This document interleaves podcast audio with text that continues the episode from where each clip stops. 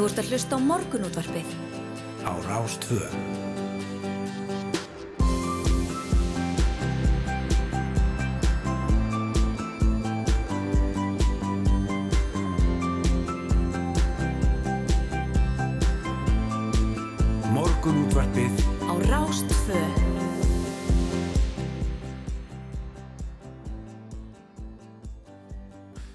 Morgunútspið býður, góðan dag, 24. júni, Yngvar Þóru Snæru Sindardóttir hérna með ykkur til klukkan nýju klukkun og andar tíu myndir í sjö á þessum, ég fína fyrstu degi. Já, það var sannlega fallegur dagur í höfuborginni þegar við fórum af staðu í daginn. Já, svo kaldur en, en bjartur. Já, einmitt, bara eins og svona, já, maður vill að hann sé á sumrin því að þá, þá hlýnar fljótt, sko, ef hann er Já. kaldur á mótni, þá, já, þetta er allt svona, þetta eru- eru vísindi. Þetta er vísindin, nákvæmlega. Ef við rennum örstuði við það sem er í þætti dagsins, þá hljóta úlingarnir í Vogaskóla að uh, fagna því að þau ná loksins að hlusta á allt morgunúttarpið á mótnana. Já, einmitt. En uh, nefnundur á úlingastíði þar muni í haust mæta setna í skólan á mótnana í vonum bættan svefn og hefst kennsla í 8. til 10. bekk ekki finnum klukkan 10 myndur yfir nýju umur uh, tilrunaverkefni Reykjavíkuborgar þar sem áhrif þessarar senkunar á svefn líðan og nám verða skoðuð. Og við ætlum að ræða já, þessa senkun og þetta verkefni við snæti sem valstóttur skólastjóra Vogaskóla hér í upphæð þáttar Einmitt, maður hefði sannlega þegið þetta á sínum tíma. Já, þetta var tímyndir yfir, yfir átta þegar ég var í grunnskóla Já, ég, líka mér. Já, En uh, breytingar á áfengislöggjöfinni urðu á lokametrum þingsins þegar alþengi gerði heimilt fyrir framleiðendur áfengis, þar segja bjórframleiðendur, að selja vöru sinni smásölu frá framleiðslu stað. Þetta þykir þeim sem vilja aukið frálsræði á áfengismarkaði aðeins áfengi leiði átt að lokamarkinu. Eitt þeirra er Ólafur Steffensen, framkvæmdistjóri félags atvinnureikandar sem vill sjá örri breytingar á löggjöfinni og opna markaðin enn frekar. Hann verður gestur okkur upp klukkan hálf átta. en ákvæmlega En Guðmundur Gunnarsson, reitstjóri markaðar fréttablasinn skrifaði leiðar á þriðudaginn þar sem hann bent á að vinnu hóparnir, fagráðin, þingmannar nefndirnar, aðgerða hóparnir, viðbræksteimin, verkefnastjórnunar og val nefndirnar sem sinna tímabundnum verkefnum fyrir ríkistjórnina séu nú um 209 talsins og ríkistjórnin, já, væri þannig með einn starfsóp á hverja 1700 Íslendinga sem hlýta að vera enn eitt höfðatölu metið og Guðmundur farið fyrir því rauk að eh, áherslu gjá ríkistjórnarinnar væri svo breið að brúin ná ekki yfir hana og því sé já, sífælt nöðsulegt fyrir hann að kaupa sér tíma og skipa nefndir helst fram með kostningar og við ætlum að ræða um fjölda starfsópa hér á landi við Ólaf Þótt Harðarsson, professor í stjórnmálafræði og spyrja hann hvort þetta sé endilega eðlileg þróun. Já, við setjum málið nefnd. Já, Hann loknum áttafréttum á föstum fyrir svo við fréttir vikunar einhver. Jú, jú, einmitt, þar eru alltaf góði gestur og í þetta skiptið fréttakonan eh, Kristín Ólastóttir á Vísi og stöð 2 og eh, Magdalena A. Torfadóttir á markaðinum og fréttablaðinum.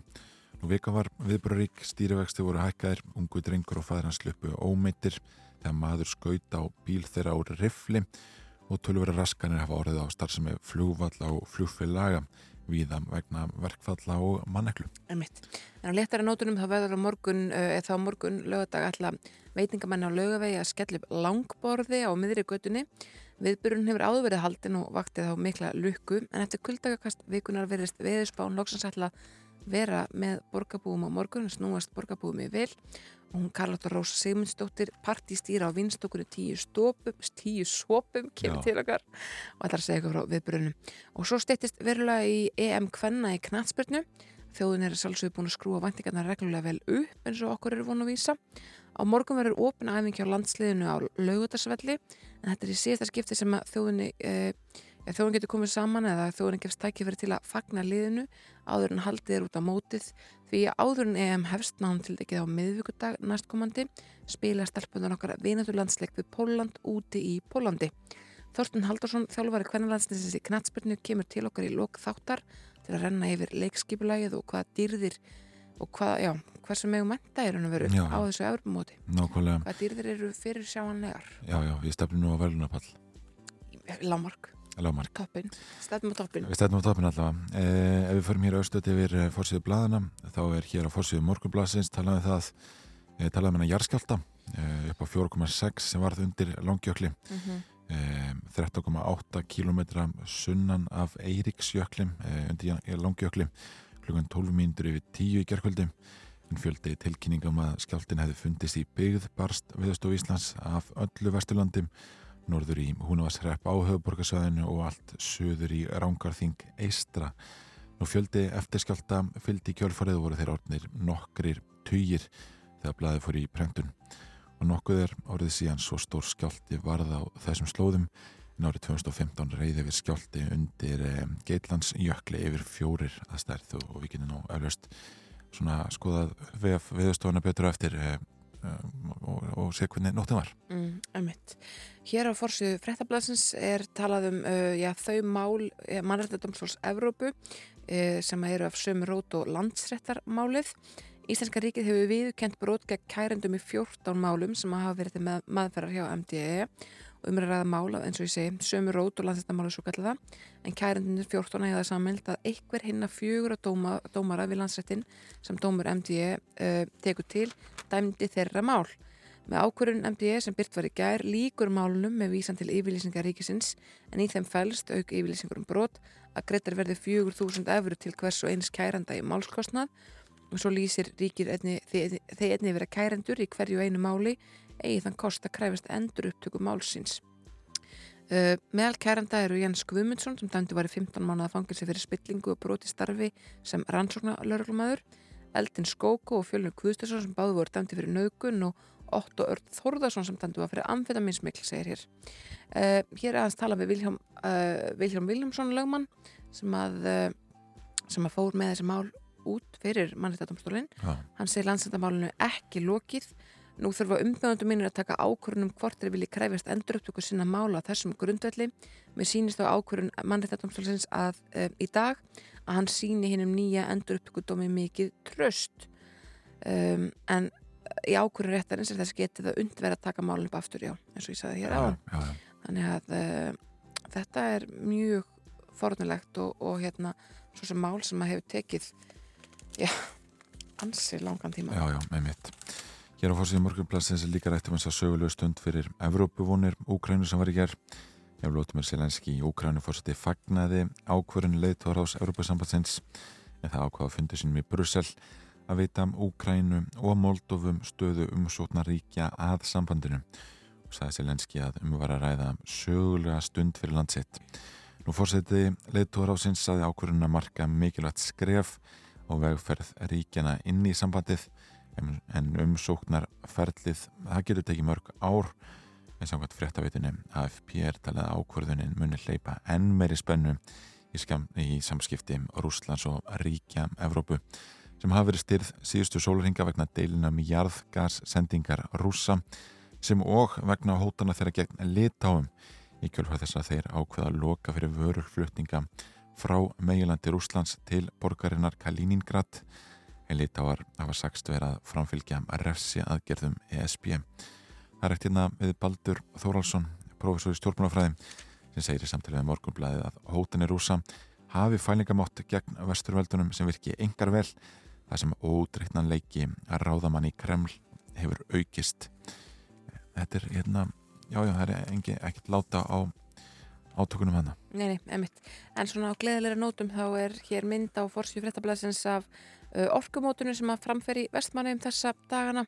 Það kepp alls 112 liða mótunum því líkur í dag og við sendum bara góðar uh, styrnings og barð kveðu til krakkana sem er á mótunum þar og fóröldraðar líka. Nákvæmlega, nákvæmlega. við, við skiptum yfir á fréttastofuna fyrir sen yfir viður og færð.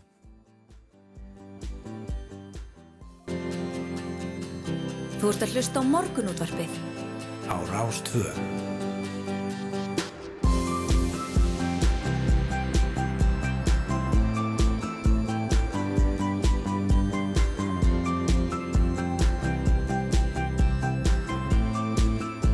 Morgunútvarpið á Rástvö Jú, ég bjóði það enn og ný góðan dag í morgunútvarpinu eftir sjöfrittir Snæra Sundardóttir og Yngvar Þór Björnsson uh, sitja hér í stúdíói 2 í eftirleiti 1 og við ætlum að vera með ykkur til hlukan 9. Jú, jú, nákvæmlega. Uh, við fyrir við þetta um í dag, við ætlum að ræða breytingar sem verða á skólatímanum í Vogaskóla þar á að uh, það er á úlingarnir ekki að mæta fyrir en tímundir yfir nýju mm. frá með næsta hausti. Uh, þetta á að, að ítundi betri svefn, líðan og, og betri námsárangur. Síðan er áfengislaugjöfinn.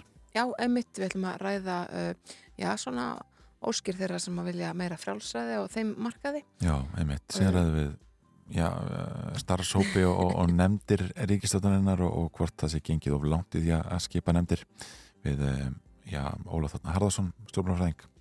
Já, svo verðum við fréttir vikunar eins og að vanda á förstu dögum, hann nú að taka þessu sinni uh, spámaðins í langborði sem verður á laugavegi Já. á morgun og uh, EM hvenna í knætspinnu. Já, nákvæmlega. við hodnið. Það er hendið við hodnið, heldur betur. Ef við förum e, e, hér á VF veðurstofunar, e, þá kemur það fram að það er norðalega átt í dag, yfirleitt 5-13 metrar á segundum og lítisáttar væta á norður og austurlandi en annars bjart með köplum með það maður búast við síðdeis skúrum suðaustan til á landinu. Það er svalt loft yfir landinu, e, segir hér í huljangu veðurfrængs, hiti 5-14 steg yfir daginn og mildast siðst útlt fyrir svipa veður á morgun og jafnvel á sunnundag líkam samkvæmt nýjustu spá. E, og þegar við rennum hérna yfir kortið á viðstofunar þá e, ég rýma það ágætlega við e, textalýsinguna. E, það er bjart hér á, á, á svona vesturlutalandsins en e, ansi kallt í dag Mm, einmitt. Uh, hér á vef vegagerðarinnar er uh, svona eitt og annað að frétta framkvæmdum viðsverum landið, þrengingar, uh, aksturs, akstursraði tekið niður og svo framvegis en það ber kannski hæst að nefna það fyrir þau sem ætla að vera á ferðinni á morgun 25. júni að á Vesturlandi verða veginir um Uxarryggi og Kaldadal lokaðir eða vegurinn, ég veit ekki hvort það er einn eða tveir Já. en þeir verða allan að, að, að þannig er lokað Nei, nei, nei, þetta eru tveir vegir, annars verður vegur um Uxarrygg og hins vegar um Kaldadal uh, lokaður morgun vegna rallaksturskepni Já, já, já, já. yes. Þannig að Uxa, um, vegur um Uxarrygg verður lokaður uh, frá 10.30 til 14.30 vegna rallaksturskepninar og um Kaldadal uh, frá 8.20 til 11 og svo aftur frá 12 til 14.30 þannig að vantarlega er þetta hringur. Er það ekki líklega þetta? Jú, er það ekki? Að keira aftur hann um Kaldadalinn í lok rall, rallsins. Já, ég hef ekki, ekki sótt ralagstur skefni hinga til en, en kannski ættu að skella okkur vestur. Sko þegar ég var barn, þá var alltaf verið að sína svona hérna torfarakeppnir í já, Mjög mikið. Kókumölkubillin, nákvæmlega, stór hérna, bara þetta. algjörlega. Um, ég hef einu sinni farið að svona keppni. Það Já. er, mér finnst skemmtilega að horfa á hana sjónvarpinu. já, emitt Eins og margar íþjóttur Það er Já. ga- skemmtilega að sjá þetta nær heldur en einhvern Heldur en svona- úrfjarska. Já, Ég einhvern veginn, ég man mest eftir því þegar, þegar þessi stóri bílar er að reyna að komast upp einhverja hlýð nákvæmlega. eh, Og falla aftur og bak. falla aftur og bak og, og þetta lítur nú út fyrir að vera hættulegt Þetta er bara, ég held að þetta er bara mjög ættvægt. En er þetta ekki, eh, sko, það, það dreigir verulega úr þessu, mest að kosti. Ég allavega sýningum á þessi sjónvarpi Já, en, hérna, en, en kannski er þetta eh, svipaður hófur já, nákvæmlega. en, en, en maður eh, verður minna var við þetta Kannski lifir þetta góðu lífi. Já, Kókumölkubillin var allavega hana geggjaður. hafa ekki ekki aður Nákvæmlega um, Eða að heyra smá músík einhver og, og uh, spjalla svo áfram um eitthvað eitt og annað skemmtilegt. um að gera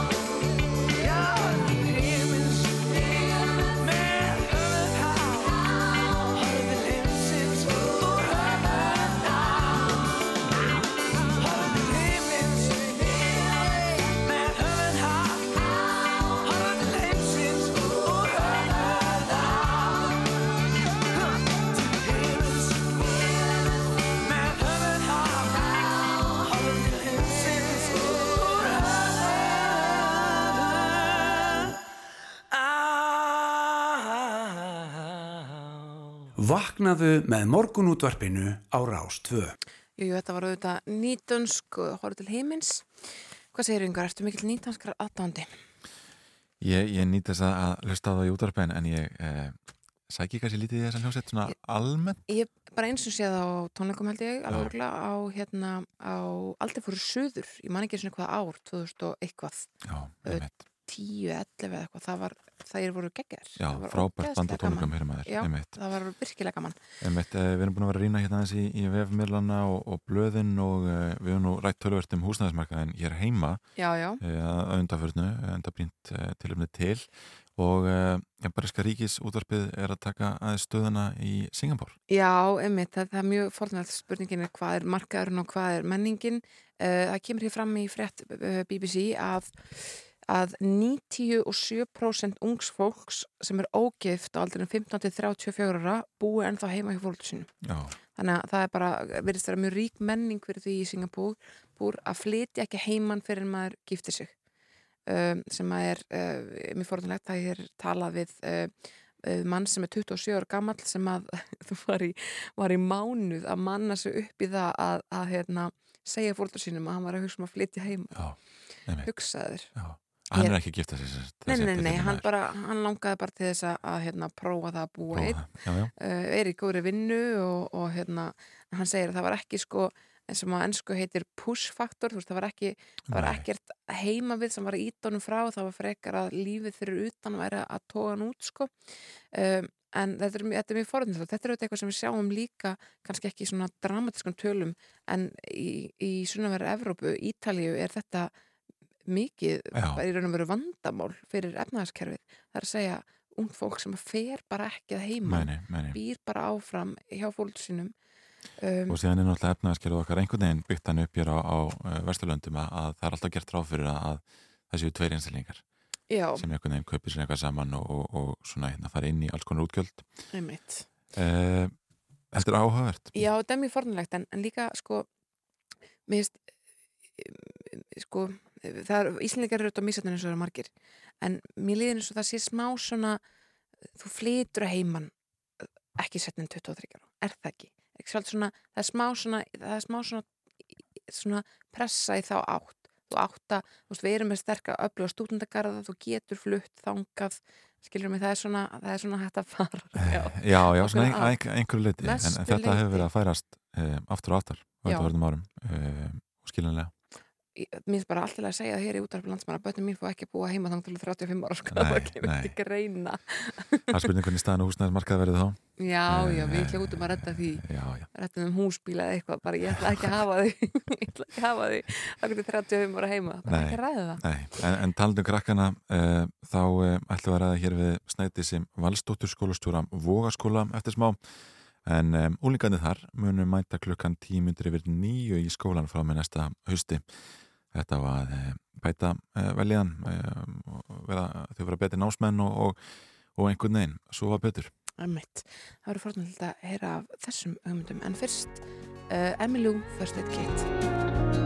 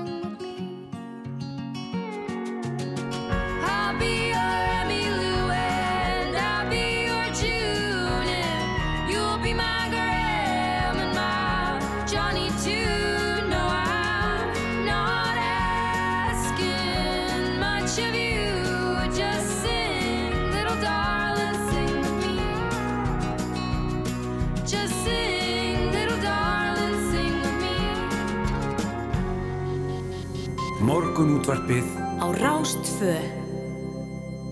Jú, jú, við vaknum hérna með fólki en nefnundur á úlingastíði Vogaskóla munu í haust geta svo veðans lengur og mæta setni í skólan á mótnana. Ég vonum bættan svefn og hefst kjensla í 8. til 10. bekk. Ég ekki fyrir klukkan 10 myndur yfir nýju. Og hingaði komin skólastjóri Vogaskóla, Snætis Valstóttir, góðan daginn. Góðan daginn. Hverju á þetta breyta? E, Þetta á að hafa góð áhrif á úlingana. Þeir fá lengri svefn og það vonum við að hafi betri áhrif á líðan og, og þá nám hjá úlingunum. Mhm. Eru þið að sjá það í ykkar skóla að, að krakkarnir sé að kvarta ef við þreytum mikið? E, já, við heyrum talsvert um það þau séu og sjáum að þau eru þreytt á mótnana Mm -hmm. og e, rannsóknir sem eru gerðar sína að, að úlingar almennt fá of lítinn svefn. En með þessu að senka skólabyrjun þá vonustu til að þau fái lengri svefn, geti sofið lengur. Við heldum fyrst þegar við heyrðum af þessu að þá færðu kannski bara setna að sofa Einmitt. en rannsóknir hafa sínt að það er ekki svo, þau fara ekki setna að sofa, þau ná lengri svefn. Mm Mm. Og, og rannsóttin erlendi sína að, að þetta sko, hjálpa til við velliðan og, og svefn og, og bæti jafnvel násannakur. Já, það eru það sem að niðurstöður erlendra rannsóknar sína, þetta sem sagt bönnin fá að sofa fá lengri svefn og þeim líður þá betur og geta betur einbytt sér við nám. Mm En er ekki alltaf líkur á því að kennurinn mun líka líða betur? Það geta mætt aðeins setna í vinnuna og svona, það sé aðeins svona minna stressa mótnana og, og meira andrimi. E, jú, kennurinn mun eflaust líða betur líka en þeirra vísu þurfa að mæta áfram klukkan átta. Nú! Já, þeir eiga áfram bara fulla minnutar hjá okkur, það er ekki að styttast neitt. Nei, og ekki að lengjast Ekki á, lengjast. og ekki að lengjast hjá Nei. kennurinn fram á daginn. Kennslan dregst lengra fram á daginn að því við byrjum setna og við erum ekki að stytta kennsluna neitt eða fækka kennslutímum. Nei. En kennararnir nota þá tíman á mótnana í undirbúning og skipulag og fundi og ímiskonar vinnu sem þeir hefðu annars þurft að vinna eftir skóla, eða semst eftir að kennslu líkur. Já, já, Einmitt. það breytist bara dagsskipulag kennarana. Skipulag kennararna breytist, semst, vinnutíma fyrirkomulagið. En, en kom til greina að færa þetta ennþá aftar, heldur en um, um 40 mínútur eins og það er núna, fara alveg bara í 10-10 eða, Já, Tíu, eða mæta nei, hátegi. já, mæta, mæta hátt. nei, það var nú reyndar ekki rætt um það. Þetta var svona til að byrja með, allavega ákveða að fara í, í þetta að færa aftur um eina kennslustund eða 40 mínútur. Já, hvernig hafa viðbröðum verið frá fóreldrum og, og nefndum? Eh, Þau hafa verið bara góð yfir leitt. Við fengum sérst þetta verkefni að þessi rannsókn er að er verið að gera þetta sem sett skóla og frístundasvið og embætti landlæknis og betri svefn eru semst standað þessari rannsókn og eh, það var fræðslufundur fyrir foreldra í vetur, semst foreldra sem eiga börn í 7., 8. og 9. bekk sem að verða þá júlingadeild á næsta ári og uh, það var fræðslufundur hún Erla Björnsdóttir hjá Bet- Betri Svefn, hún var Mhm. með fræðslu fyrir foreldra og kynningu og það voru náttúrulega bara eins og með allt saman, það voru skiptar skoðanir en uh, ég hef fleiri, heyrt fleiri ánægjurattir heldur en hitt. Mm Já, já. Sko, úrtrúður rættirnar, hva, hvað var uh, það sem fólk vildi helst benda á þar?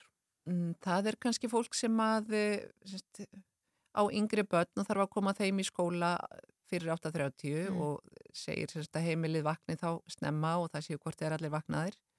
Mm. Það var svona það helsta. Já, og mörgum fannst eða einhverju töluðum að það væri réttar að fara fyrst í, í það að taka eitthvað á skjánótkun og, og semst, hjá úlingum en það fylgir kannski svolítið með þessu þau semst, nefndur fá heilmikla fræðslu um, um svefn og bara heilbriðan lífstíl Mm -hmm.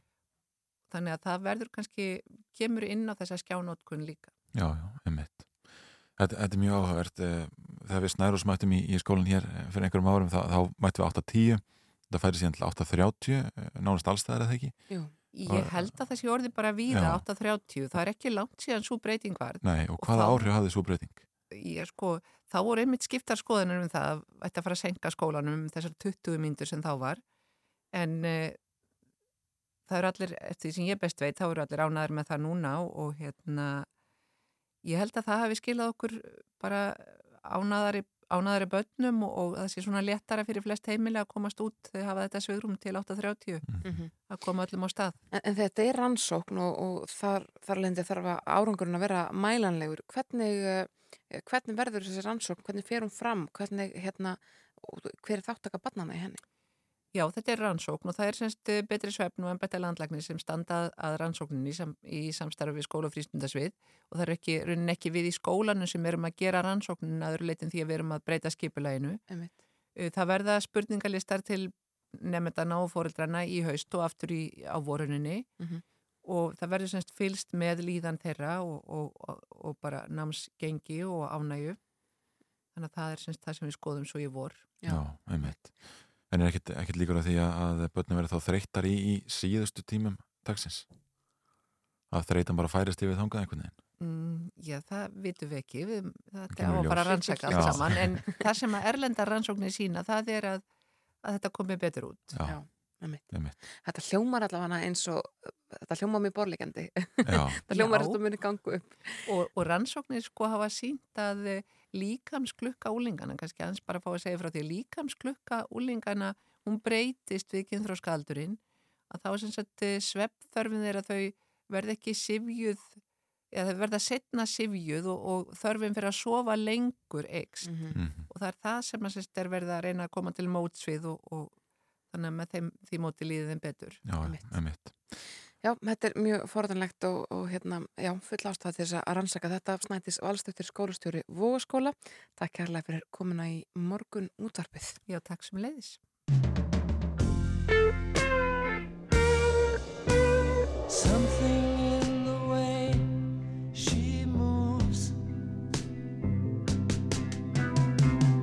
Attracts me like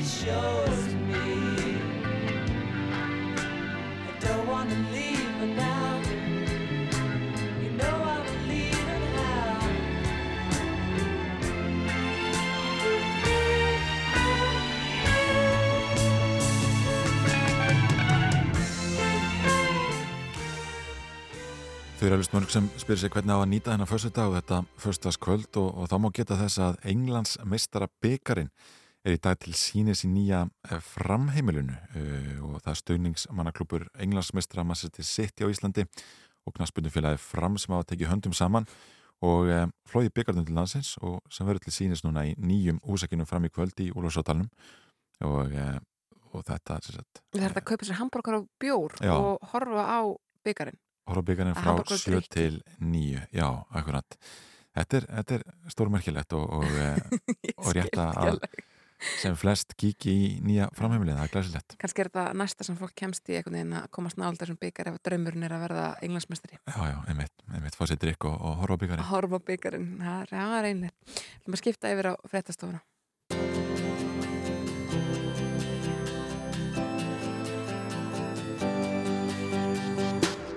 Þú ert að hlusta á morgunútvarpið á Rás 2. Jú, jú, þið þekkið þetta. Uh, við maður verðum að ræða breytingar á áfengislöggjöfinni sem að uh, urðu á loka metrum þingsins. Það er alveg gerði heimilt fyrir framleiðendur áfengis, það er að segja bjórframleiðendur, að selja vöru sína í smásölu frá framleiðslu stað. Þetta þykir þeim sem vilja auki frálsræði á áfengismarkaði aðeins svona áfangi á leið í átt að loka takmarkinu og eitt er Ólafur Stefansson, framkvæmtastjóri félags atvinnureikanda sem er kominninga til okkar vertu velkomin. Takk fyrir. Uh, þetta er fyrsta skref í uh, mörgum að ykkar mati eða hvað að það er að segja heimilega smásölu frá björnframleðendum. Já, frábært skref og löngu tímabært eh, og býra sjálfsögðu til svo litla opnun sem að ég held að, að allir hljóti þá að sjá í beinu framhaldi að kallar á fleiri skref og stærri. Mm. Sko, eh, þetta er, hérna, já, eins og ég segi, afskaplega jákvætt skref og ef ég var ekki að, að fara að veiða í mjóarsveitir þennan dag, þá er ég ábyggilega hér í byðröðinni út á Granda eða, í skútuvóginum að, að köpa mér bjór. En uh, sko, það sem að við hjá félagi aðturinn ekkert að bendum á þegar þetta frumar blá fyrir þinginu var að, að það gengi ofskamt og vegna þess að uh, gekk á skamt og laga breytingi gengur á skamt, þá býr það til sko ný vandamál í rauninni þrátt fyrir að, að vera jákvætt skref. Mm Við til dæmis gaggrindum það mjög að það ætti ekki að leifa þeim sem að selja stert áfengi að selja líka áfengi á framlýstast og þá var þetta komað til móts við þá gaggrinni. Mhm. Við gaggrindum stærðarmörkin sem er að mörguleiti alveg fráleitt eh, að miða við sko 500.000 lítra bjór eða, eða 100.000 lítra sterku áfengi. Sko markmið frumarsins var að ebla meðal annars svona menningartengda ferðarþjónustu í kringum brugghúsin út á landi Mhm. og niðurstaða sem svo að eitt eða tvö brugghú- brugghús út á landi eru útilokkuð frá beinni sölu, bæði í eigafyrði þannig sem sem bara brugga bjór Já, og að minnstakosti eitt eh, framleiðandi á sterku áfengi upp í borgarnesi Mm. Og hérna, það er ekkert vit í þessu Nei. Þe- þetta eru, eru fyrirtæki sem hafa alveg sömu forsendur og eru búin að vera byggja upp ferðarþjónustu í kringum sína, sína starfsemi og framleiðslu Af hverju eru þau útilókuð? og þau framleiða á mikið, þau þykja stór Já. já, Það eru við kalda fyrir af því að, norðan. af því að, af því að Einmitt. opnunin átt að vera svo þröng kald er einhvers staðar svona alveg á mörkunum viking fellur fyrir utan Já. já, einmitt, einmitt En þið vonist til þess að þetta leið til frekari breytinga en, en breytingar á áfengislöggjöfinni hafa gengið afskaplega hægt Já. Eh, Hvers vegna heldur það svo sí? Og af hverju ætti þetta að breytast núna? og þetta hefur náttúrulega verið svona umræðan árum saman hefur einkennst af óskaplegum hvað ég að segja óskaplegri feimni og, og, og tvískinnungi. Eh, hérna þessi eh, sko tvær stóðir áfengistefnunar getum við sagt. Eh, annars vegar engarítur ríkisins og hins vegar bann við áfengisauðlýsingum hafa verið einhvers konar svona heilagt gral. Segja að það fer bara allt í vittlis ef við leifum einhver frávik frá þessu og hérna, ég skrifaði nú grein á vísi í gerð þar sem ég talaði um að alþingi hefði verið að draga höfuð upp úr sandinum Mm. að þeim er sýnist þetta aðeins vera að breytast nefnilega sko bara tækni þróun og þróun viðskipta á samfélags hefur þýtt að þessi bönn er að mörguleit orðin marklaus Mhm. og búa bara til sko viðskiptahömlur og vandamál Já, sko áfengisauðlýsingarnar eru einmitt eitt af þessum atriðum þar sem að íslenskir miðlar geta ekki uh, tekið inn hagnað í gegnum áfengisauðlýsingar en erlendir samfélagsmiðlar geta, það getur flætt og, og, áfengisauðlýsingar og ekki heldur íslenskar auglýsingastofur og, og íslenskir framleiðendur náttúrulega tapa því að mega ekki selja sín, eða auglýsa sína vöru löglega í innlendum miðlum. Mm -hmm. erlendir keppinettar þeirra auglýsa eins og þeim sýnist í erlendum miðlum við sjáum sko áfengisauglýsingar bara allir í beinum útsendingum hjá, frá íþróttaviðbörðum í Já, já. íslenskum miðlum Einmitt. þetta er út um allt á samfélagsmiðlum á netinu og svo framvegis að tala um að það sé eitthvað bann við áfengisauglýsingum á Íslandi er, er bara bull Já. en uh, þau banna ákvæði sem er í lögum bitna fyrst og fremst á innlendum fyrirtækjum Mhm. uh, hvað engaréttin svo kallaða varðar þá náttúrulega sko í fyrsta lagi þá, þá hérna eh, hitti ég nú mann sem að sagði já já nú getur við farið þarna í þetta tiltekna brugghús út á landi og, og keiftir bjór löglega. Þess að búið að vera hægt lengi bara ekki löglega. Já, já, uh, sem er eitthvað sem allir, allir hafa vitað. Um, Nethörslan það náttúrulega er að hafa verið að spretta upp og þeim fer fjölgandi. Uh, það er svona kannski þeir sem eru uh, nýjir á markanum og hérna, þóra að taka sjensa sem að fara í, í þann bransa þeir sem eru með gróin fyrirtæki og verðmætt vörumerki uh, þóra ekki að dansa á línunni vilja hafa vissu fyrir því að uh, þessi starfsemi sé lögleg Mhm. og svo vissa hefur enn ekki fengist frá stjórnöldum. Svo eru fleiri leiðir framhjá, framhjá engaréttin. Það eru margir í svona svo kallum smakkklúpum eru svona að kaupa sér vín í, í áskrift bara mánaðarlega. Eh, Það er vín sem að kemur aldrei við í, í, í átíðaferð. Ég er að fara að keira norður í Svarfaðadala morgun. Ég get komið við í Borgarnesi eða í staðarskála og keift mér óopnaðan bjór til að taka með mér. Já. Uh, ef ég er að fara til útlanda þá get ég verið í 10-11 í leifstöð og keift mér óopnaðan bjór já, já. eh, sko, engarétturinn er ekki fyrir hendi heldur og uh, þar fyrir utan hefur náttúrulega sko opnunatími átíðaferð lengst uh, útsölustöðunum snar fjölgað vínveitingahúsum hefur stór fjölgað frá því að áfengislögunum var breytt síðast eitthvað að ráði sem var 1989 sko. Mm -hmm. Þannig að, að hérna, eh, við höfum verið að segja við, við stjórnmálamennina, horfist í augu við þetta. Setið, sko, gerðið frekar ráð fyrir það sko starfsemi sé lögleg og setið þá um hann einhver, einhverja reglur, eins og til dæmis netverslun með áfengi eða áfengisauðlýsingar. Af því að þetta bara er þarna, yfirvöld gera engar aðtóðasendur við það, eh, þetta er fyrir allra augum, en eh, já, gerðið ráð fyrir þessi löglegt og setið þá um það einhverja reglur já, já í dag, sko, látamenn eins og netfæslinu áfengi sé ekki til og áfengisauðlýsingar sé heldur ekki til og þar leðandi er engar reglur um já, já. Þetta er alveg galið ástand. Eitt af því sem hún nefnir hér er að uh, framleiðendur sterks áfengis uh, sitja ekki við samanborð og bjórframleiðendur uh, þegar þessi lög voru samþygt. Já, Eh, það, já, var, heimildin var víkuð út til, til litlu framleiðandana sem er að framleiða. Já, ok, þannig Já. að fólk sem er að framleiða gin eða snapsa eða eitthvað, það getur ennþá Já. selt sitt uh, efni út já. með Eh, þetta. Ef fyrirtækið er nógu lítið, Emmitt, Já, emmitt. En þetta er nú stórt skrifað að því leita að það er í rauninni verið að afnema sko, engalefi á tíðaferð til já, já. sko, smásölu áfengis. Þetta er fyrsta skrefið í þá átt.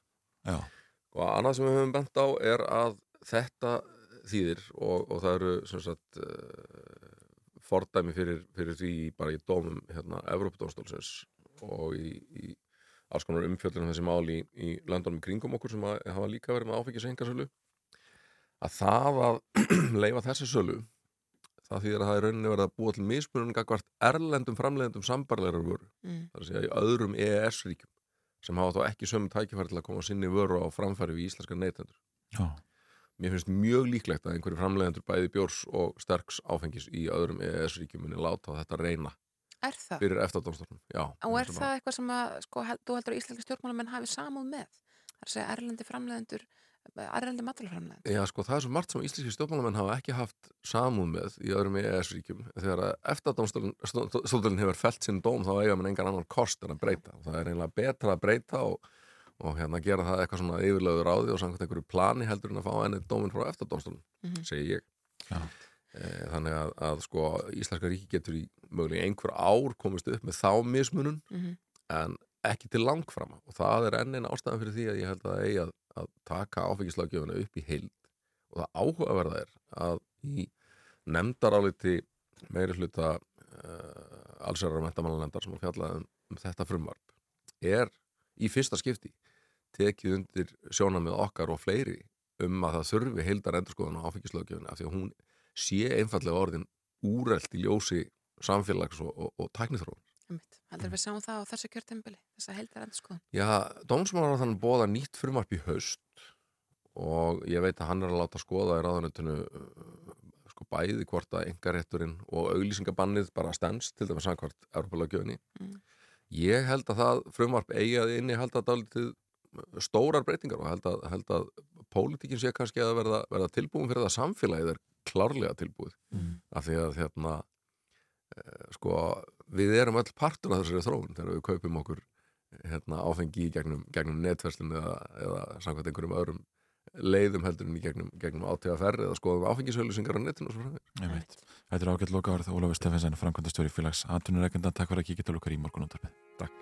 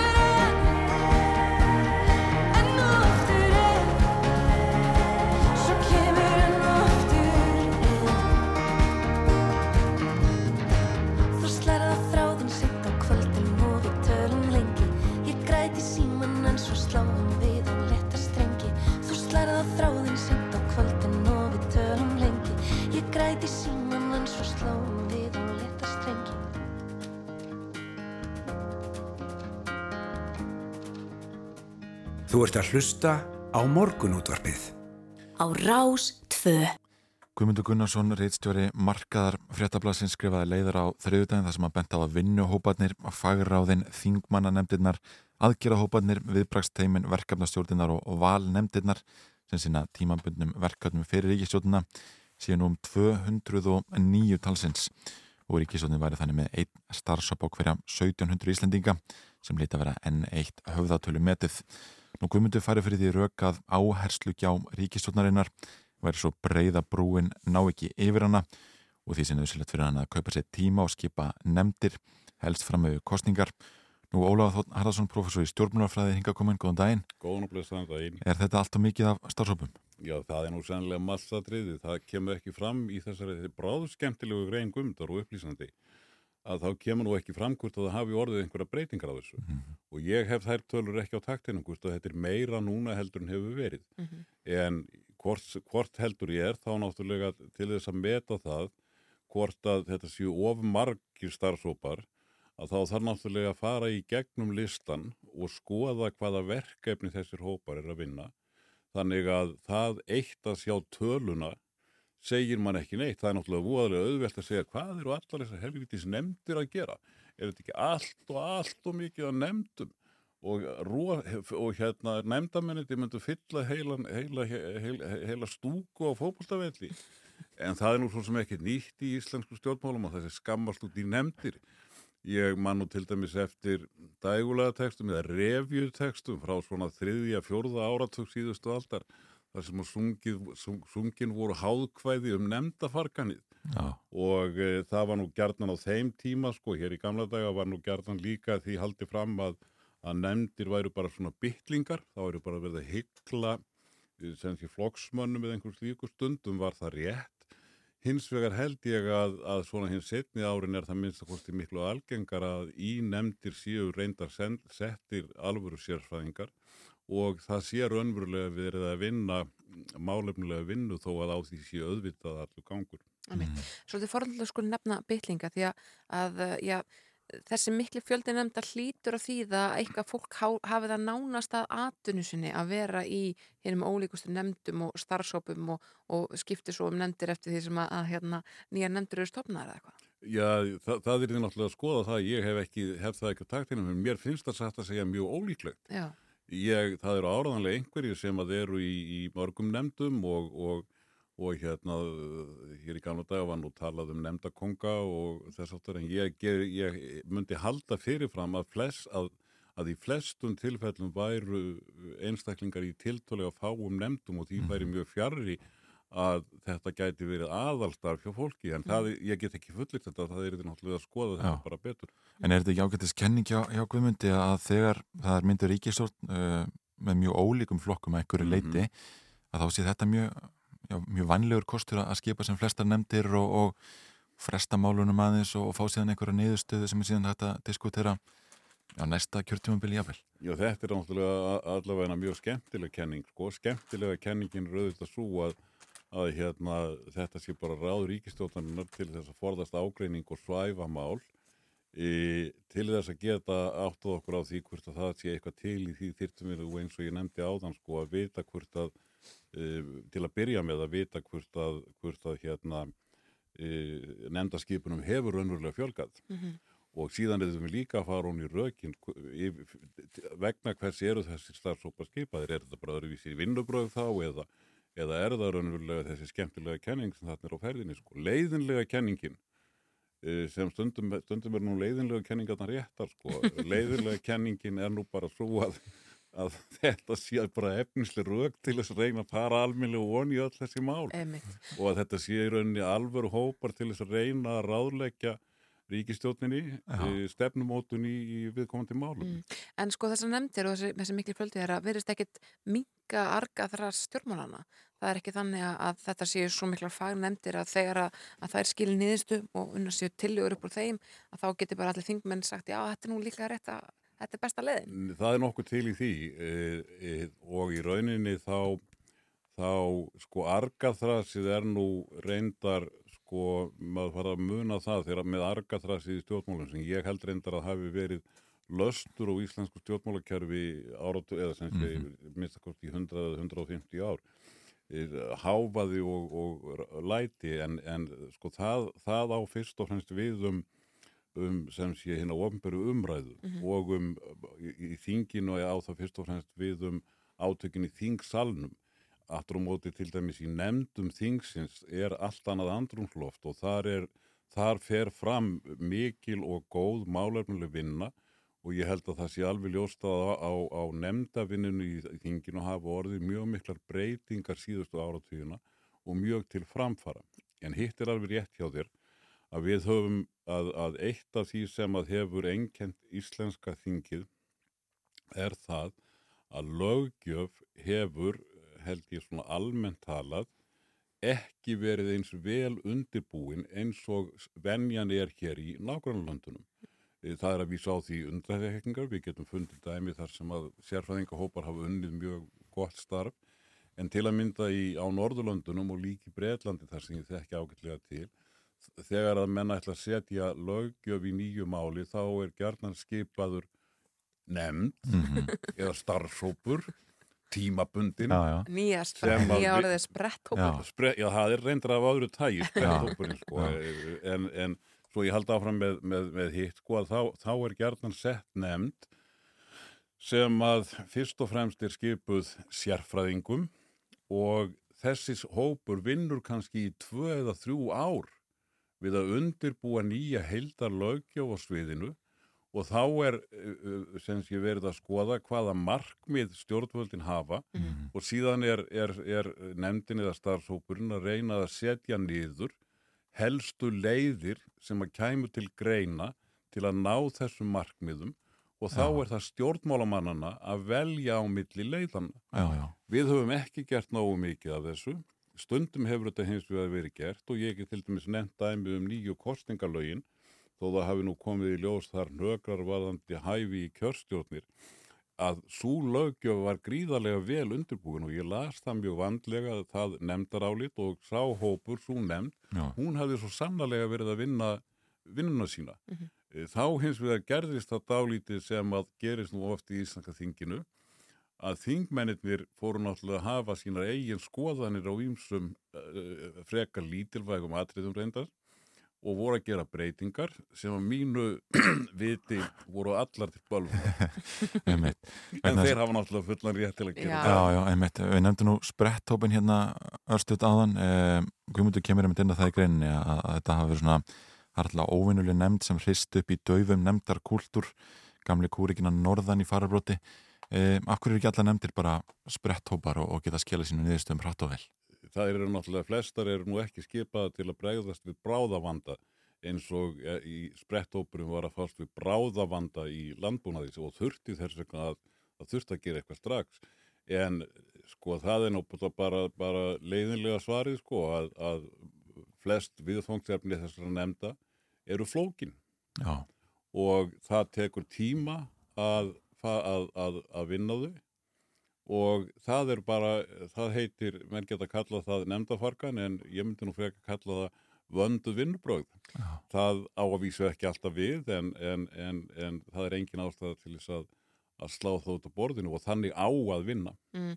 Að skulu nefna það að því að sko eins og komst að hérna í upphafi það er svona hálgert skammar er það að setja hluti í nefnd. Þetta er eitthvað sem að, að fólk segir svona Já. í hálgeru gríni og, og hérna og, og, og, eða til þess að hérna að gaggrinn eitthvað já á ekki bara setja málið í nefnd og þú veist þá þýr það að það að fresta því út í óvandalega svo orðræða uh, er hún til þess fallina að koma í veg fyrir fagmennsku á, á Hún, ég held hún geti verið það.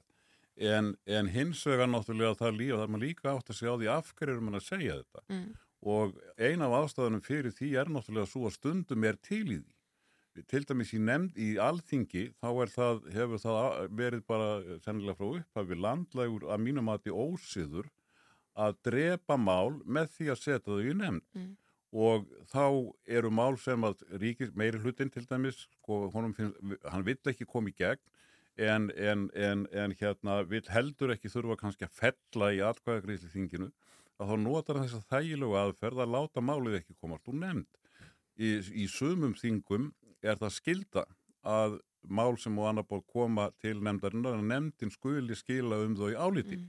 Þannig að á endanum fáið þau eðlilega afgreðslu í þingsalnum. Mhm. Þannig að þetta er svona dæmi um, um, um, um það að, að, að nefndir eru kannski misnotaðar því að auðvitað er það ekki hugsunin með nefndum að þær eigi að tefja mál eða þær eigi að svæfa mál en stundum eins og ég segi eru þær notaðar í því skyni og auðvitað geta þær verið billeg afsökun til þess að gera ekki neitt. Já. En menn með ekki gleyma því að, að sem er kjarni málsins að í flóknu nútíma samfélagi er engin leið að vera með almennlega stefnumótun eða löggjöf án þess að byggja á tímafreku og dýru nefndastarfi sérfræðinga á sviðinu. einmitt. Ólaf Þotna Harðarsson, stjórnmálafræðingur, takk fyrir að kíkja til okkar í morgunundarspið og ræða þessa 209 starfsópa ríkistjóðnarinnar. Við ætlum að skipta yfir á frettastofu, heyra áttafrettir og komum svo við spori, förum yfir uh, frettivíkunar með góðum gestum eins og við gerum alla föstu daga. Þú ert að hlusta á morgunútvarpið. á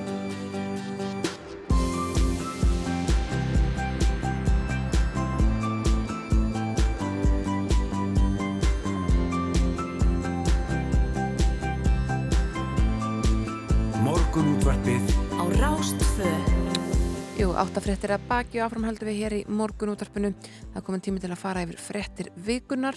Þessu sinni koma sér fyrir hjá okkur uh, Kristín Álungsdóttir af Vísi og Magdalena Torfadóttir af Markaðinum og Fréttablaðinu. Já, með fyrst eitt lag.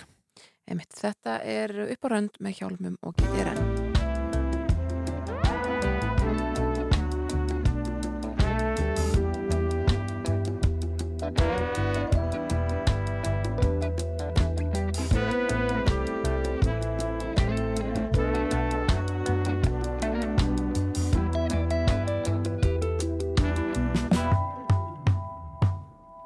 Það má himinn ver og haf, breytt á milli þó alltaf, ertu fjörður minn og fjall í einu.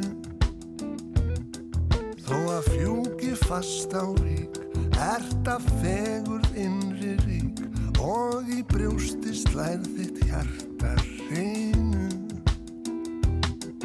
Líkt og æxlist ósjálfrátt, mínir hafið blátt og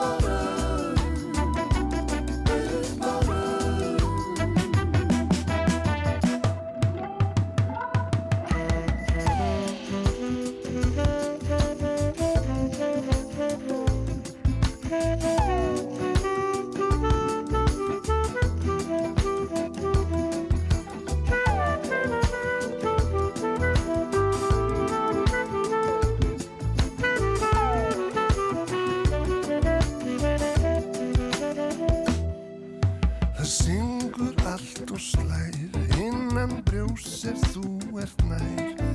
Ég vildi geta sagt allt sem ég meina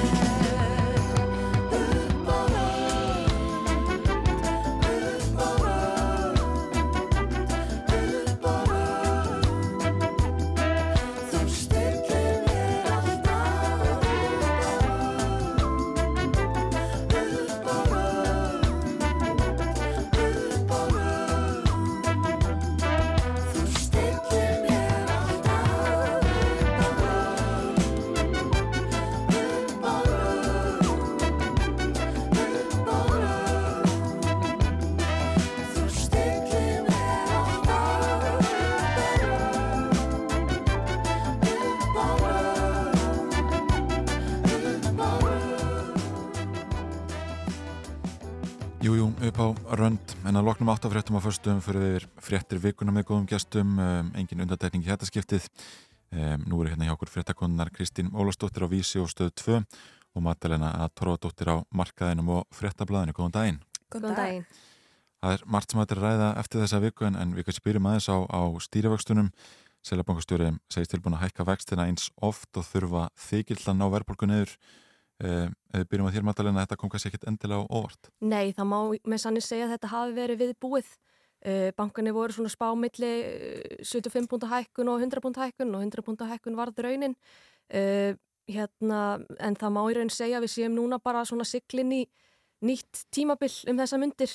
Hérna, Við höfum náttúrulega búið við bara mjög lágt vakstastig en það er svona kannski búið núna en samt ekki alveg að því að jæna, uh, ef við lítum á þetta bara í sögulegu samengi það fóru vextir í 18% eftir hrunið.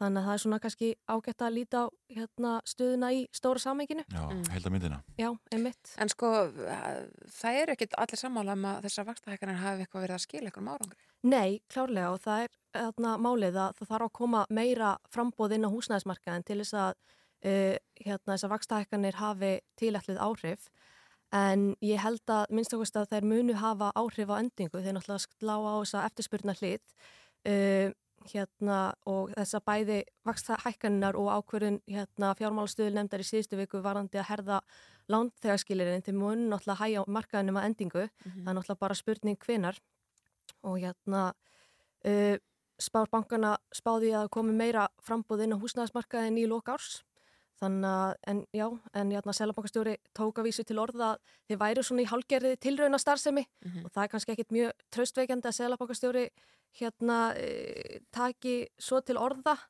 en starrindin er svo að við bara vitum ekki hversu hratt þessar stýriðavakstækkanir munu koma fram. Er þetta ekki svona mest íþingjandi ef ég skild rétt? Ég er, ég er ekki mikil Nei. viðskipta, hérna, svona ekkert rosalega viðskipta á þengjandi, Nei. ég ætla bara að viðkynna það. En er þetta ekki svona svolítið mest íþingjandi fyrir svona kannski, þú veist, þetta unga fólk og, og hérna, og þau sem eru kannski nýbúin að kaupa Jú, fyrst íbúðina klárlega, það er sína eða...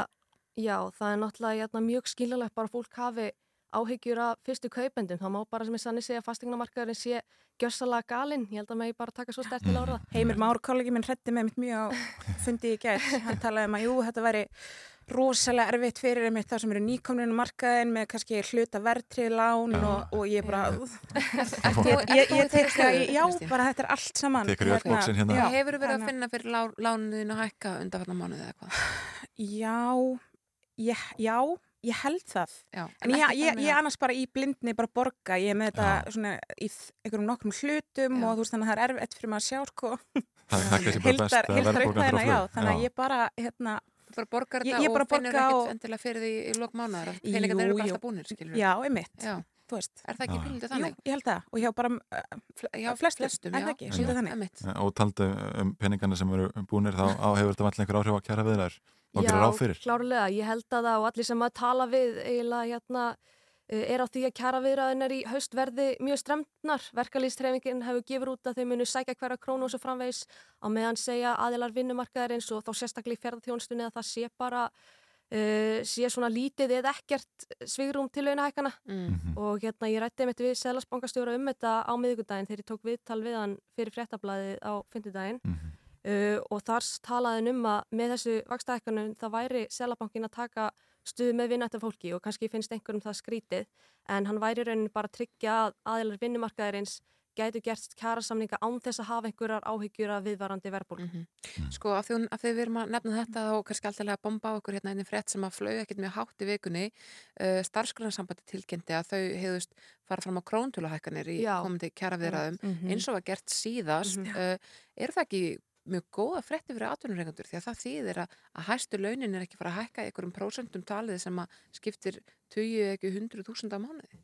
Jú, klárlega og það er bara, það er líka kannski ágætt að hafa huga svona mikla beina launahækkanir í þessu ástandi er ekki æskilegar en hérna, það er hægt að semjum ímislegt eins og vinnutíma eða einhver annur En, hlunneti en þessi leið að fara króntúlahækkun, hún þýðir herri laun fyrir eh, þá sem eru lægst launaðir en hún þýðir ekkit, það munur ekki miklu fyrir þá sem eru í eftirleginu eða hvað.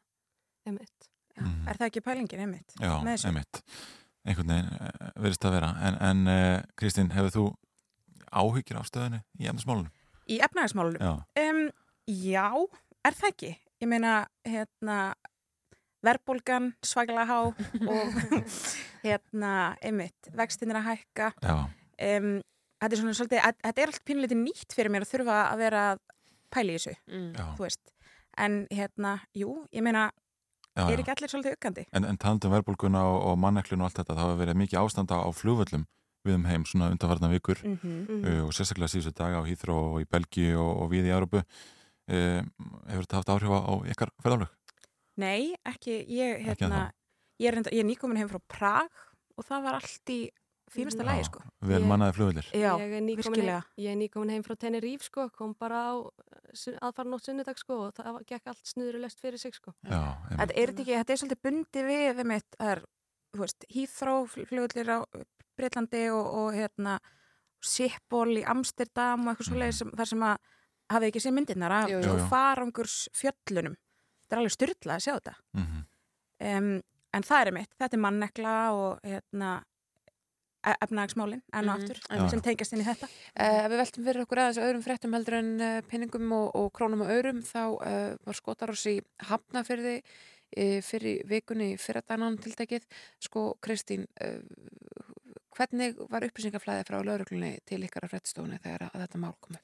Um, ég held að hafi verið ágætt. Ég var ekki sjálf í þessu en hérna, við náttúrulega fórum bara strax á vettvang. Mhm. Það var bara frekar snemma ljóst að þetta var bara mjög umfangsmikið dæmi allt saman, Mhm. rosalega viðbúnaður og náttúrulega einhver leikskóli sem að tengdist inn í þetta einhvern veginn á tímabili og fólk var velta fyrir sér hvort að það var eitthvað, veist, þetta leit einhvern veginn alvarlega út. Já, já. Um, þannig að já, við vorum held ég bara í góðu sambandi við hérna laurugluna þarna, þú veist, fengum, fengum viðtöl og hérna svona, það var bara, jú, ágætt flæði þetta skýrðist svona nokkuð fljótt að hérna og ma manni kannski þykir, þykir gott að þetta var ekki svona, virðist ekki að vera eitthvað skipulagt eða Nei. þú veist, Mhm. hérna Mhm. já, Nei, nei, einmitt. Matalinn maður, maður er slegin þegar svona gerist í Jólandi. Klárlega, það er bara fyrst og fremst mildið ekki fór verð og enginn slasaðist Mm. uh, hérna en það er náttúrulega þetta að heyra eins og Kristín kemur inn á hérna að þú veist þetta hafi verið nálagt leikskóla, bötan nálagt það var batni í bílnum, þetta er náttúrulega bara mjög en vonandi er þetta bara svona einstakt tilvik og hérna Emitt, sko Runolfur Þórólsson hjá Ríkislauglustjóra hann var hjá okkur í gær og þar var hann að tala um það að þessum uh, vopna útköllum hefði uh, þau, þeim hefði fjölgað mjög mikið þar segja oftast þar sem er nýfi beitt en, en uh, ég held hann hafi talað um eitthvað þreföldun eða eitthvað líka þegar kemur að skotopnum Mhm. uh, er þetta nýr veruleiki? Er, eru við að verða einhvers konar Amerikan Norðursins eða eitthvað? Mm, ég meina mér löggan hafa kannski talað um nýjan veruleika núna svolítið lengi í þessu, finnst ykkur það ekki? maður hefur hýrst þetta Mhm. Jú, núna alveg, þessu er sleið fram svona alltaf þegar eitthvað svona kemur upp.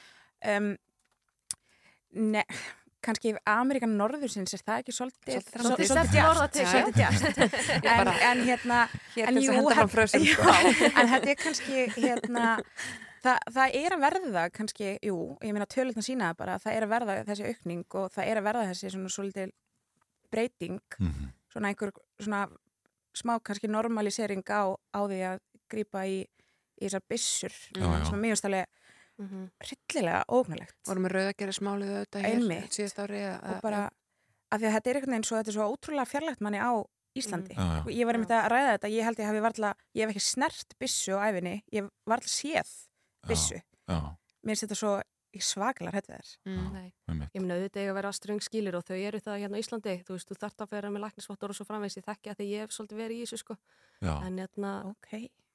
Bara endilega deildu með okkur ég meina, hver er þín reynsla Einmitt. þegar kemur að þessum hlutum sko, ég hef ekki mjög mikla reynslu af, af því að fara, ég hef bara svona fara á skota æfingasveið og svona með pappa mínum, Já. Já. þannig að, en ég meina auðvitað eiga að vera ströng skilir, þá ekki hver sem er að geta geta fengið og nálgast skotvopn sko, það er Nei. náttúrulega bara við-. Kerfi í bandaríkjunum hefur náttúrulega sína, sína miklu galla. Já, já. Ef við fyrir minna rétt í lokin yfir, eh, já, hvað ætla að gera um helgina, Kristín, við byrjum með þér. heyrðu, ég er með ótrúlega helgi planaða um, hérna, ég verð að vinna Þú verður að vinna. Já, einmitt. alla helgina Einmitt.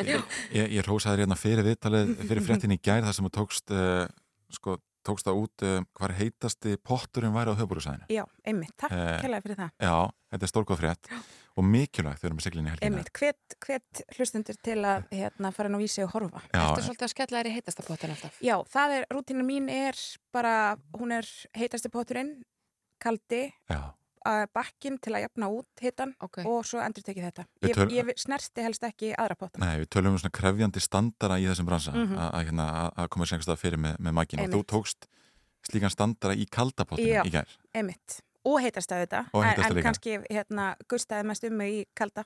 Já, emitt. Hvað hérna, uh, sko, hattar að líða vel eða? Um, já, ég meina þetta Heitasti er potturinn bara. Ég hljómar þessu martrið þetta er, náttúrulega, heilu. þetta er náttúrulega ein mesta velliðan sem maður getur kallað fram ef Já. maður er ekki í eiturlifum ímyndaðið. Emitt. En hvað eru heitastu bóttanir? Þetta við nefndum það ekki. Herri já, hérna þeir eru, ég hef náttúrulega fyrst og fremst vilja að fólk horfi á fréttina til að komast að ég, get- ég kannski gefi upp hér. Já. Hérna, þeir eru á tveimur stöðum á höfuborgarsvæðinu, það er annars vegar í Lögudalslaug sem er svona kannski lág svolítið fyrir en svo er í Neslögin út, á- út á Sildinesi. Já, Hann er líka einmitt. 44 staðaldri. 44 gráður. Madalina, alltaf þú í, í uh, lögina um helgina? Ég hugsa að ég kiki heita pottin, sko, viss Kristín var að nefna þetta hérna. Glæsilegt. En hérna, já, ég er að fara í, hérna, út að borða í kvöld Já. með einhverju félögum. Já. Það verður skemmtilegt. Dásamlegt. Emitt, Og hérna-. Æðislegt, bara eigiði góða helgi stöllur Kristín Ánlsdóttir af Vísi og Magdalena Torradóttir af Markaðinum og Fréttablaðinu Takk æðislega fyrir komin í and it sounds just like a song. I want more berries and that summer feeling. It's so wonderful and warm. Breathe me in, breathe me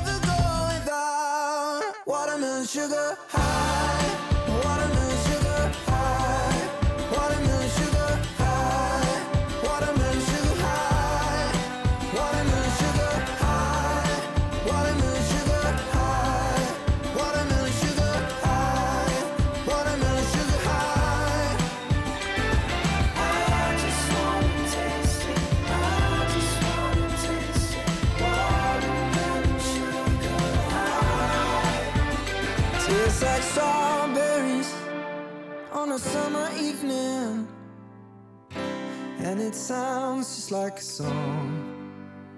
I want your belly and that summer feeling. I don't know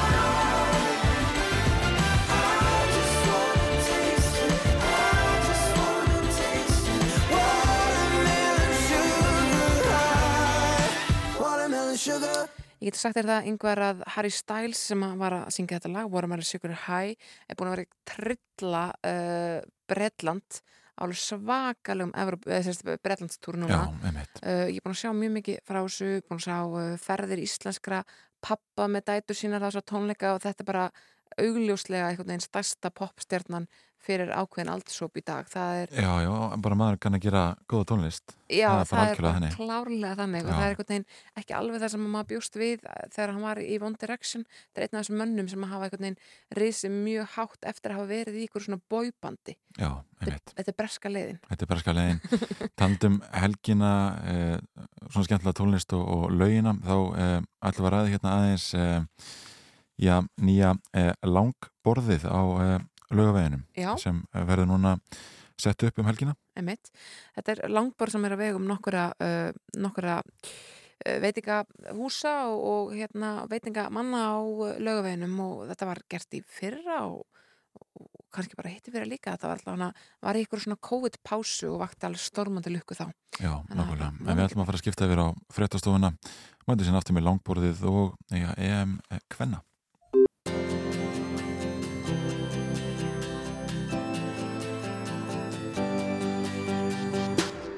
Þú ert að hlusta á morgunútvarpið. Á Rástvö. Jú, jú, áfram aldrei við hér. Á morgun lögadag skella veitingamenn á lögavegi upp langborði á miðri götunni. Viðburun hefur verið haldin áður og vaktið á mikla lukku en eftir kuldakast vikunar verðist veðspón lásans ætla að snúast að borgabúum í hag vonandi verður uh, mikið stemning á lögaveginum. Sjálftar Rós Sigmundsdóttir partistýra á vinstúkunni er komin til okkar. Uh, velkomin. Já, takk. Þið eruð að skella upp þessu langborði. Hvað erum að tala um, hvað erum við að tala um langborð? Herðu, við erum að tala um alveg, uh, við erum að tala um alveg fram hjá okkur hérna á vinstúkunni, Public House og Mhm. Sumak. Já. Þannig að þetta fer alveg frá klappastíðunum og upp á vitastíð. Hvað er þetta, 50 metrar eða eitthvað? Já, þetta eru 15 svona langborð Já, sem við þetta- setjum saman. Þetta hefur nú verið þétt setið hinga til. Þetta hefur verið þéttsetið og, og verður líklegast þéttara núna Já, í já. ár og hérna uh, gaman að geta haldið þetta núna aftur án, án, án hamla og, og, og allir í stuðir. Já, já, einmitt. Hvað er bóðið upp á þarna? Er þetta þessi veitingastæði sem, sagt sem eru þá að fara með mat og drikki út? Já, það er, skal ég segja þér, uh, Public House og Sumac sjá matinn og það er hérna, þeir eru bara með sína, sína rétti, náttúrulega Public House er með þetta asíska íva og eru með svona smáa litla græmitisrétti Mm -hmm. Og, og Sumac verður með uh, lambavefju og brokkoli mm. Einmitt. og við verðum með drikkina vinstúkan. Þannig að það er bara lítill matseðil, einfalt en, en hugmyndin að allir séu saman eða hvað? Já, þetta er náttúrulega samstarfsverkefni uh, þannig að þetta er styrta borgin okkar Mm. og þannig byrja þetta sko þannig að þetta er viðburðapotturinn hjá Reykjavíkuborg sem er ótrúlega skemmtilegt að, að skilirinn eru að þetta þurfa að vera samstarfsverkefni Mm. og þá fyrir maður að líti í kringum betur hver eru nágrannar mín og við erum svo heppin að eiga bara frábæra nágranna Já, einmitt. Þetta er náttúrulega á svæði sem er, er göngugata núna, en var ekki alltaf göngugata. E, þið óttist ekki að einhverju bíl að fara að keira þannig nánast inn í fólki. Nei, alls ekki, það er náttúrulega hefur minkað rosalega það var náttúrulega fyrst, fólk var ekki alveg að átta sig á þessu Nei. En uh, það sem við hefum gert svolítið þegar við erum með viðburði það hefur verið svolítið einkennandi hjá okkur. Við dönsum alltaf bílan í burtu.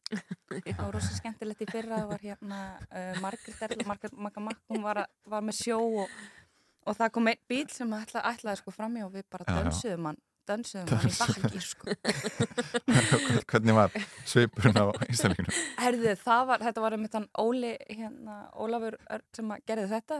Sem dansaði, sem sagt. Já, herðu, hann hló bara og setti bara í bakk. Já. Þannig að það hefur Ok. virkað. Þetta virkar, já, þetta kannski virkar bara langt best í samgöngumálunum að að dansa fólki í einhverja áttir. Ég held að Óli sé mér fyndin þegar hann dansar. Já. Sérstaklega svona ef hann er einhvern veginn pínlega íta mann með hann. Uh, hérna, sko, hver er hugmyndina bak við þessu langborði og, og hvað er svona, hver, hver er teórian? Þetta er, þið eru að tala um sé svona í kringum Jónsmessu og svo framvegis, þetta er svona, eða sumarsólstur, það er svona einhver, hérna, uh, já, það er einhver svona, einhver hugmyndafræði, er ekki? Það er, þetta er veisla. Já.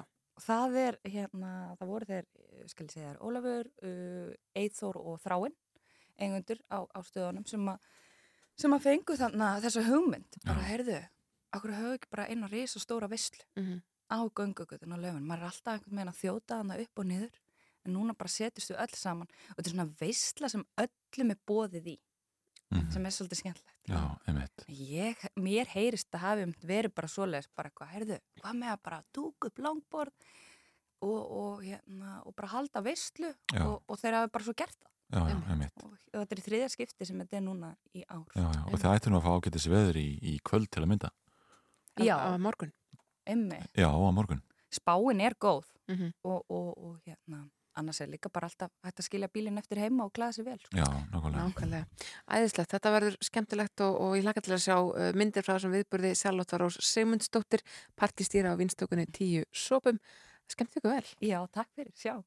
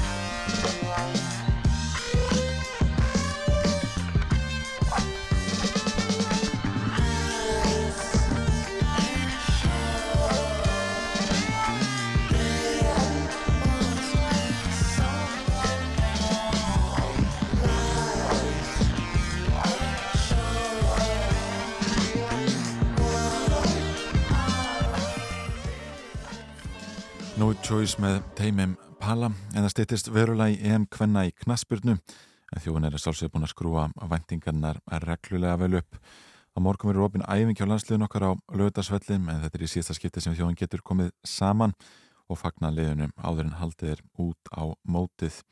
Uh, Ingað til okkar er komin Þorstein Haldursson, þjálfari liðsins.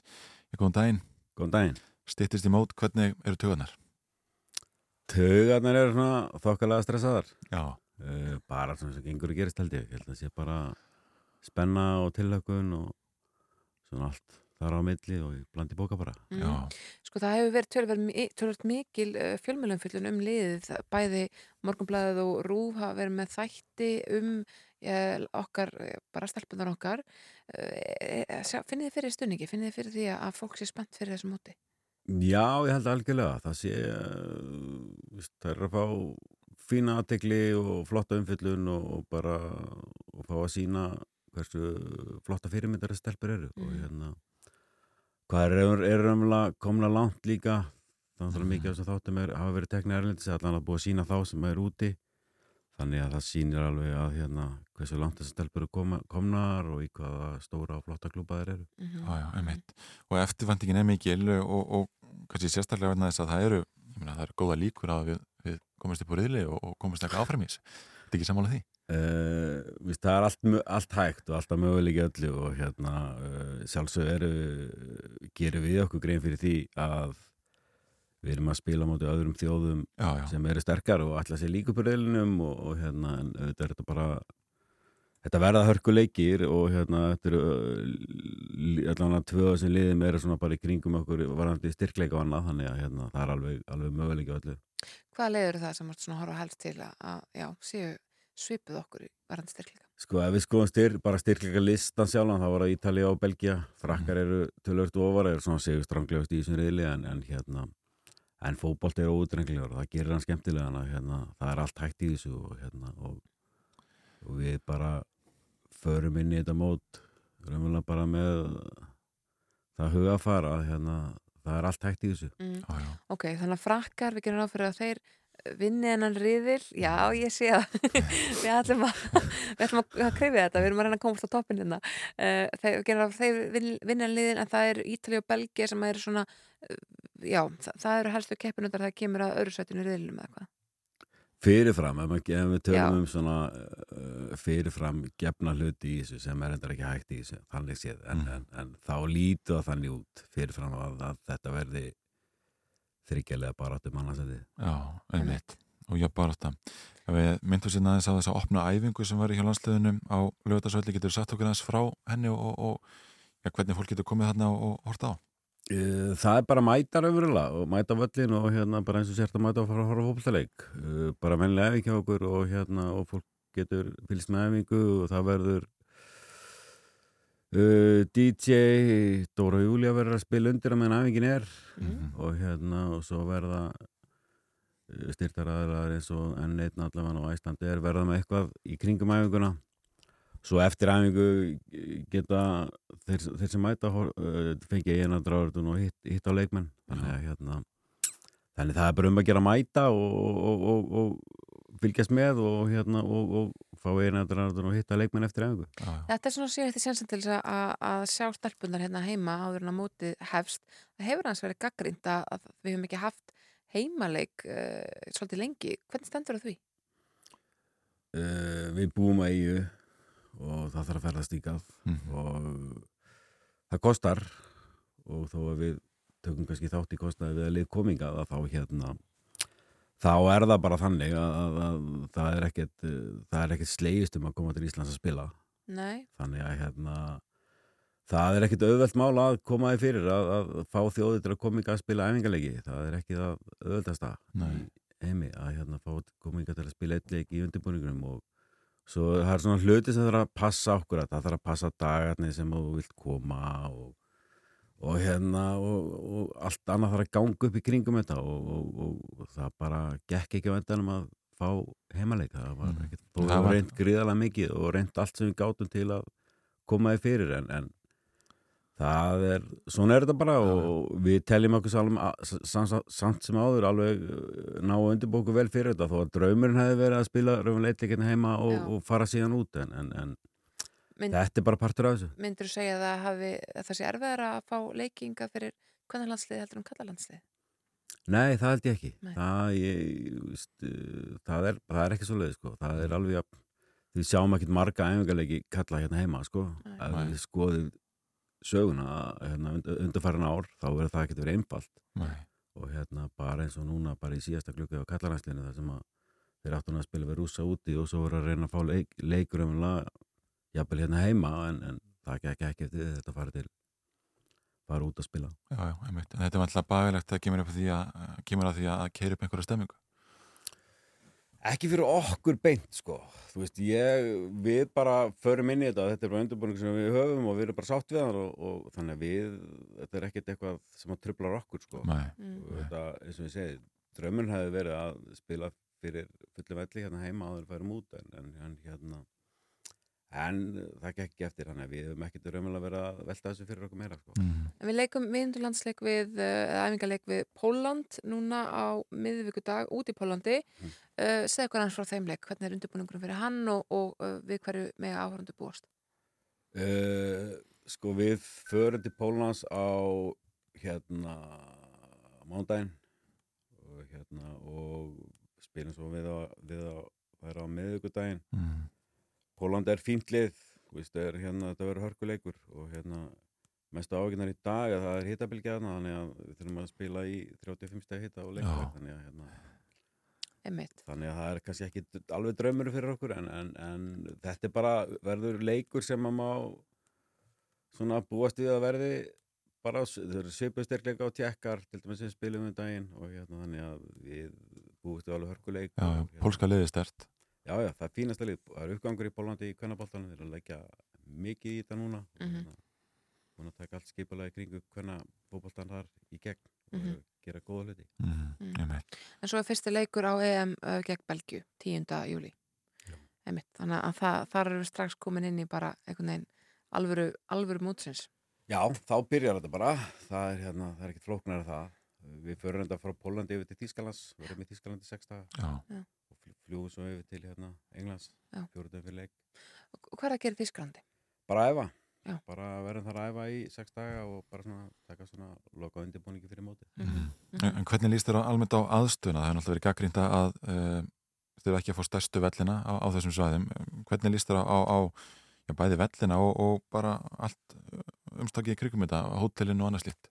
Bara fínt sko, við fáum fínasta hótel, við verðum að út í sveit bara í, fyrir okkur og höfum það bara gott sko. Mhm. Hótelið er bara, bara flott og, hérna, og allt í standi með það. Mm. Æðingavöllin sem fáum er mjög góður og Krú Alessandra bara fínulegi og bara allt í góðu og Já. auðvitað er, auðvitað er alveg gaggríni á það að til dæmis völlin sem við spilum á er minnstu völlin sem spilar á í keppninni og hérna en það er svo sem til miða fyrir okkur það geta allir íslendingar sem vilja fara eins og staðin í dag Já.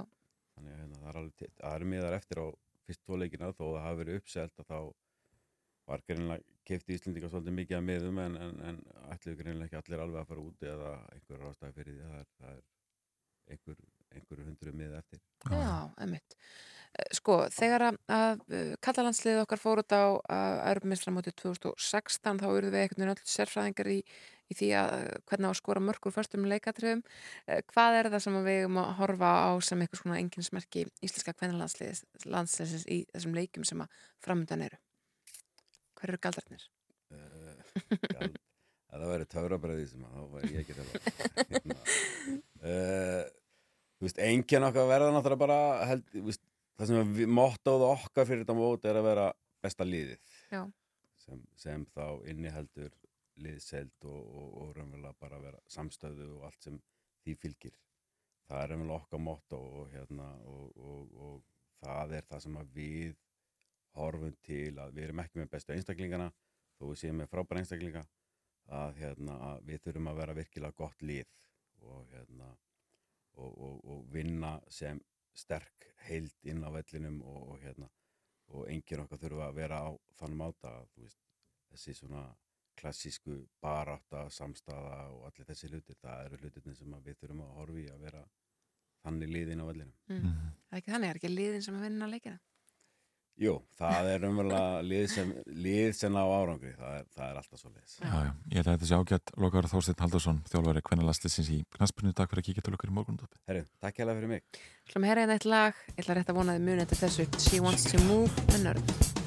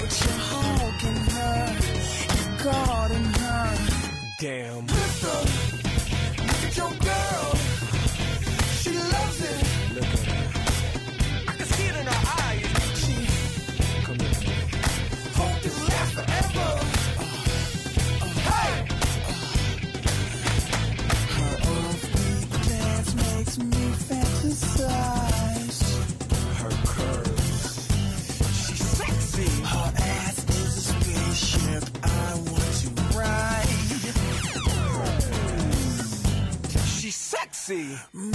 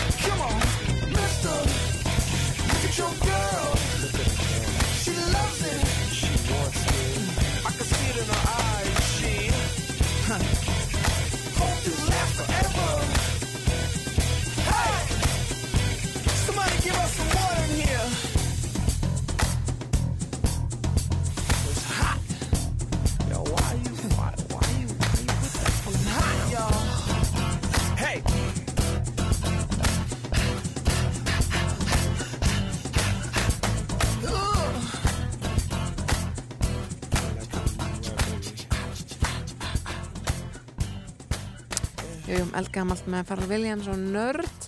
Þetta finnst alltaf ég var svona 10 ára. Já, einmitt, ég verið að viðkynna það að ég man ekki eftir þessu lægist En uh, ef við fyrir mörgstuð yfir það sem var í þætti dagsins sem ætti allt rétt að nálgast á vef okkar rúf.is þá vorum við að ræða núna við Þorstein Haldursson hann er þjálfari kvennalandsliðsins í Knaspurnu það líður að EM Kvenna Við, uh, ég rættum líka frettir vikunar með góðum gestum Kristínu Ólafsdóttur og Magdalunum A. Torfadóttur Magdalena er á markaðinum og Kristín á stöð 2 vísi Já, og svo kom Ólafur Þóttin Harðarsson, professor í stjórnmálafræði til okkar og fór aðeins yfir eh, já, nefnda farganin sem að sömum þykir að nósi um. Já. Hann vildi meina að svo væri nú eiginlega ekki, þetta væri 209 talsins Já, hann hann vildi meina að það væri svona líklega fagleg vinnubröð að uh, það eru sérfræðingar sem færi við málun áður en að stjórnmálamenn tæki þau í fangi. Já, já, nákvæmlega. Við rættum líka við Snættissi Valstóttur.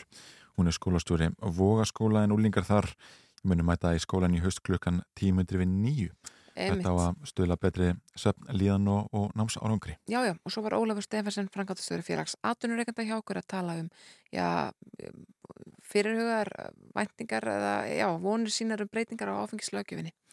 En uh, við þakkum kærlega fyrir okkur í dag og skum ykkur allar góðar helgar. Já, og verðum hérna aftur á mándaginn.